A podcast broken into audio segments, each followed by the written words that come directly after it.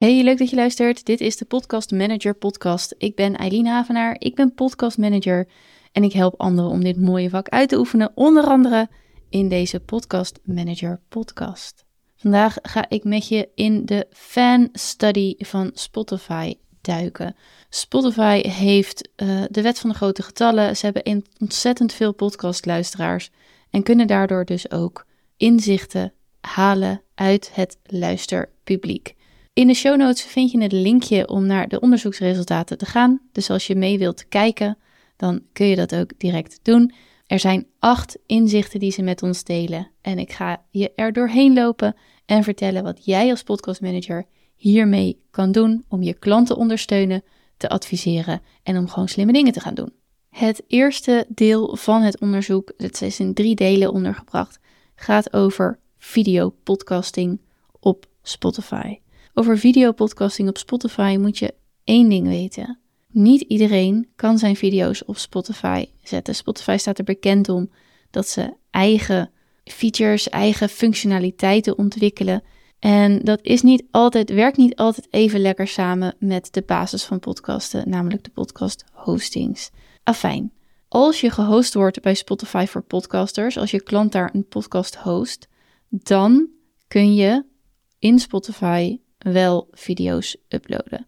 Voor een later moment, maar dan kan het dus wel. En als je bij het Nederlandse Springcast zit, dan kan het ook. Dat heeft te maken met de samenwerking die Springcast heeft met Spotify. Dat is een nieuwere techniek, een nieuwere technologische manier dan veel van de podcast hostings die al langer bestaan.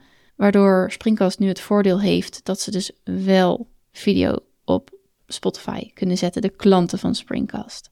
Afijn, het eerste inzicht is dat videopodcasts over verschillende categorieën beter of minder goed worden bekeken. De grootste categorie is comedy. Comedy, uh, ik weet eigenlijk niet wat het in het Nederlands is. Comedie, denk ik.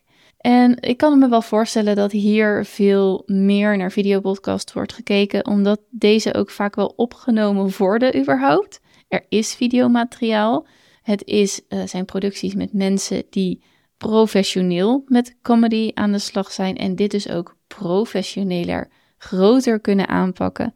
De videomateriaal is dus beschikbaar en het is ook wat makkelijker om te maken als je met elkaar nou, grappig zit te doen. Plus de, ja, de, de aard van de content. We kennen het allemaal al, dat we ook echt naar comedianten kijken. Dus het is ook een veel kleinere stap om daar dan ook de video bij te pakken. En gezichtsuitdrukkingen, non-verbale communicatie. Dat heeft natuurlijk ook zijn weerslag op hoe grappig iets is. Andere zijn Society and Culture, dat is cultuur. Veel keukentafelpodcasts zitten hier bijvoorbeeld in. En ook veel van de podcasts die met BN'ers of celebrities worden gemaakt. Wat het ook weer aannemelijker maakt dat hier überhaupt een videopodcast van is. Maar de derde categorie is business. Nee, dat zeg ik niet helemaal goed. Leisure zit er ook nog tussen, dat is ontspanning. En de vierde categorie is business. En de vijfde technology. En dat zou nog wel eens interessant kunnen zijn voor klanten die je hebt om ook video op te gaan nemen. En als je die video toch hebt, om het dan ook op Spotify te gaan plaatsen. Tweede inzicht over video is, en deze kan nog wel eens interessant zijn, dat overdag de audioversie vaak wordt geluisterd. Of overdag worden er meer audiopodcasts tot de luisteraars genomen. En in de avond zie je het bekijken van de videopodcasts verder omhoog schieten. Ja, dan hebben mensen natuurlijk ook tijd om naar een scherm te kijken. Dat is het hele punt. Podcasten als audio kun je luisteren terwijl je andere dingen aan het doen bent. En dat kan met een video gewoon, nou niet, bijna niet. Het wordt gevaarlijker. Het wordt er allemaal niet beter op als je een video bekijkt terwijl je ja, het, als het maar autorijden is natuurlijk wel vrij gevaarlijk, maar stofzuigen. Ja, je stofzuigt gewoon beter als je je ogen op de stofzuiger in kwestie hebt en niet op een video. Het is een bit of een open deur, maar het onderzoek ondersteunt nu ook deze aanname. In de avond worden videopodcasts beter bekeken. Oké, voor wat mij betreft de meer interessantere inzichten. Inzicht nummer drie, en hier had ik dus nog nooit over nagedacht, vond ik vet intrigerend. Luisteraars ontdekken shows op verschillende punten in het jaar. Zij hebben een aantal pieken ontdekt waarin luisteraars beginnen met het luisteren naar nieuwe shows. Die pieken die zijn in januari, in maart, in juli en in oktober. Ja, dit is natuurlijk interessant. Want als jij met een klant een nieuwe podcast gaat lanceren en nou ja, het is rond deze maanden, blijkbaar doet iets in de tijd, in de maatschappij, hè, januari, nieuwe voornemens bijvoorbeeld, doet het iets met luisteraars om op zoek te gaan naar nieuwe podcasts. En ja, het zou zomaar kunnen zijn dat je dan in die flow mee kan. Als er toch al meer mensen on the move zijn, dan kan je daar maar het beste ook gewoon gebruik van maken. Dus januari, maart, juli en oktober lijken interessante maanden te zijn om een nieuwe show te lanceren of om bijvoorbeeld een pivot te doen hè, als je show verandert, als je doelgroep verandert, om daar wat meer aandacht aan te besteden, omdat er dan blijkbaar meer mensen bewegen richting nieuwe shows. Dan ook een vrij logisch staatje, maar de volgende is gaat over wanneer en hoe laat mensen het vaakst een podcast beluisteren.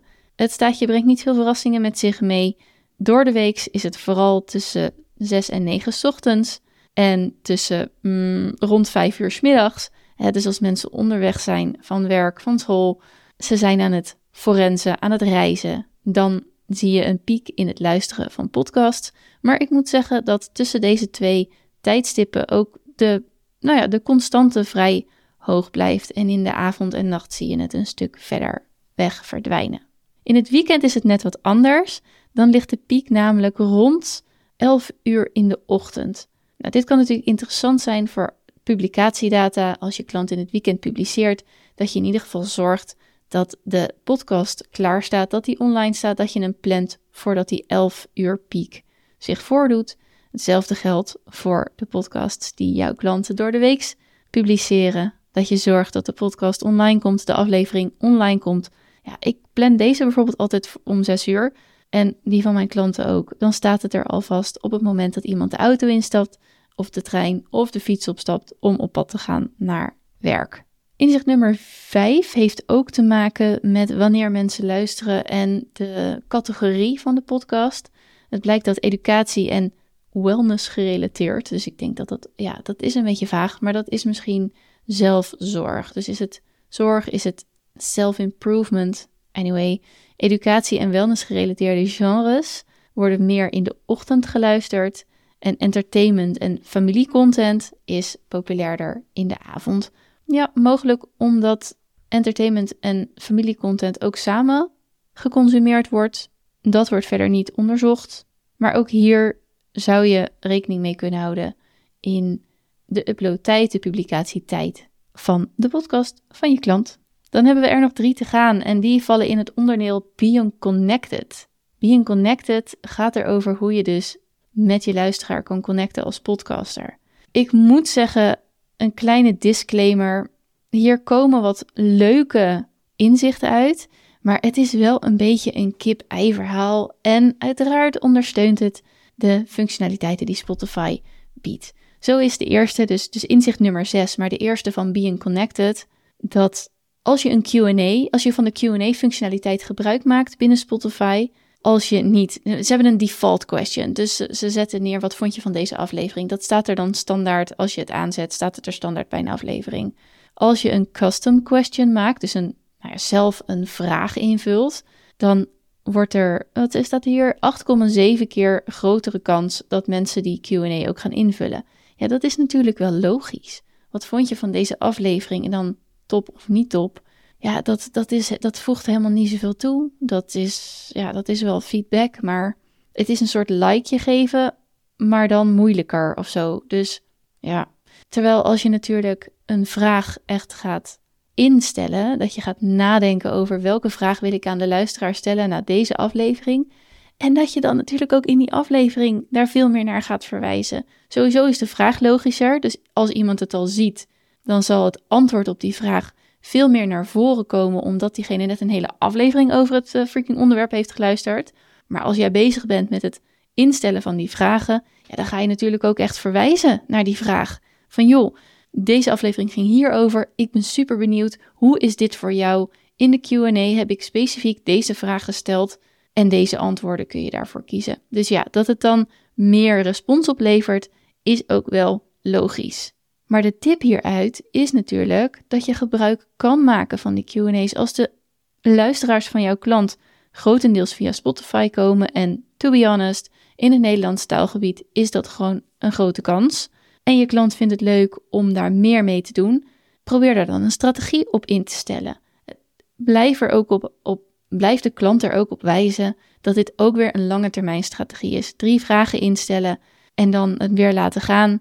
Dat gaat nooit werken. Je moet er wel echt op inzetten en daarom moet je ook goed met elkaar kijken. Past dit bij het hele podcastproces? Past het bij de inhoud van de podcast van de klant? Willen we dit echt? Is de klant hier echt mee aan boord? Dan ja, vul zo'n QA in. Neem het ook gerust op in je eigen aanbod. Dat als je dit als onderdeel ziet van het podcast management proces, dat jij, als je toch bijvoorbeeld al clips eruit haalt of audiograms, waarom zou je dan niet een toffe vraag eruit kunnen halen? Het valt dan wel minder handig omdat de klant zelf daar niet mee bezig is. Als jij de vraag eruit haalt, dan kan de klant natuurlijk in de opgenomen aflevering niet daarnaar verwijzen, niet zo actief daarnaar verwijzen. Natuurlijk kan diegene wel zeggen in de Q&A, beantwoord de vraag van deze aflevering, maar dat is echt minder engaging, minder connectend, zeg maar, dan dat de klant echt zelf met die vraag bezig is en die vraag ook letterlijk stelt aan de luisteraar. Maar dit soort extra Spotify-functionaliteiten kan mega interessant zijn. Goed, gaan we verder naar inzicht nummer 7. Die gaat ook over die QA's. Hier staat dat luisteraars die QA's invullen, langer naar podcasts luisteren. Ja, is het weer kip-ei? Hou je luisteraars bij je, laat je ze langer naar je luisteren omdat je een QA instelt? Of zijn de mensen die toch al geneigd zijn QA's in te vullen, luisteraars die überhaupt al meer podcasts luisteren? Dus. Hier geeft Spotify in ieder geval zelf de tip om met verschillende QA-formats te experimenteren. Stel je persoonlijke vragen aan je luisteraars, of vraag je feedback op de podcast, of vraag je input voor de podcast. Ik zou zelf kiezen om één format te kiezen en dat sowieso wat meer proberen uit te spelen dan elke week weer nieuwe content. Tenzij je enorm veel luisteraars hebt en wilt kijken die toch wel gaan reageren. Dus de wet van de grote getallen, hoe meer mensen je hebt, hoe meer er altijd wel iemand zal zijn die zo'n Q&A zal invullen. Dan kun je denk ik wat sneller experimenteren. Ik denk dat het voor onze klantengroep, voor de Nederlandse podcaster, de grootste groep daar nog niet is. Dus als je al Q&A's wilt instellen, kies een strategie en hou daar even aan vast om te kijken of het resultaat gaat opleveren. Inzicht nummer 8 vind ik, ja, we weten het, maar het is altijd fijn om het weer bevestigd te zien dat de beste reclame voor een podcast toch echt de mond-tot-mond reclame is. Methode om nieuwe podcasts te ontdekken. De eerste met 54% is hearing about it on a podcast they already listened to. Dus je hoort het in een podcast die je al beluistert. Gasten in je podcast, te gast zijn in een andere podcast, blijft gewoon een ontzettend sterke en duurzame groeistrategie voor je eigen podcast. En dat wordt hier ook weer bevestigd. Het gaat er dus om of iemand al met iemand heeft kennis gemaakt. Dit is wat onduidelijk. Of een luisteraar al met een podcaster heeft kennis gemaakt in een andere podcast. Dat werkt zo ontzettend goed om nieuwe luisteraars voor je podcast te krijgen. En hier wordt dus ook 1400 podcastluisteraars zijn onderzocht. En hier wordt dus door 54% aangegeven. Ja, op deze manier vind ik nieuwe podcasts. Nou, als we kijken naar de helft, dan is dat toch 700 man. Nou, lijkt me intrigerend en interessant om die naar je podcast te krijgen. De tweede met 53% is bijna hetzelfde, alleen wordt het dan aangeraden door vrienden en familie. Ook hier mond-tot-mond -mond reclame. De simpele call to action aan het einde van je podcast met heb je deze podcast geluisterd? Geef het dan door aan iemand waarvan je denkt dat hij ook voordelen gaat halen bij deze podcast. Vertel deze week één iemand over deze podcast. Ja, mond-tot-mond reclame blijft super belangrijk. De derde, uh, op de derde plaats staat browsing Spotify. Dus Spotify rondklikken en zoeken binnen Spotify, waardoor de teksten en de SEO, de podcast SEO, eh, weer bevestigd wordt dat dat belangrijk is. Ik weet dat het een stokpaardje van me is. Maar ik vind het altijd heerlijk om te zien dat het gewoon klopt. Teksten rondom een podcast zijn ontzettend belangrijk. Deze cijfers, even sidesteppen, dit kun je allemaal gebruiken richting je klanten en in de strategie met je klanten. Dit soort cijfers kan je ook gebruiken voor social media posts of voor een e-book dat je aan het schrijven bent of voor teksten op je website of in ieder geval voor je eigen marketing. Als hier staat dat 50% van de luisteraars nieuwe podcasts ontdekt door op Spotify te browsen, dan heb jij een ontzettend goede case study of business case, of hoe je dat ook noemt. Je hebt gewoon een goed verhaal richting nieuwe klanten waarom de teksten en de titels rondom een podcast zo belangrijk zijn en dat jij dat gewoon ontzettend goed kan verzorgen voor jouw klant, voor je potentiële klant, zodat de kans, zodat ze de kansen op meer luisteraars nog veel meer vergroten dan als ze niet met je samenwerken. Dit was mijn breakdown van de Fan Study Podcasters Edition 2023 van Spotify.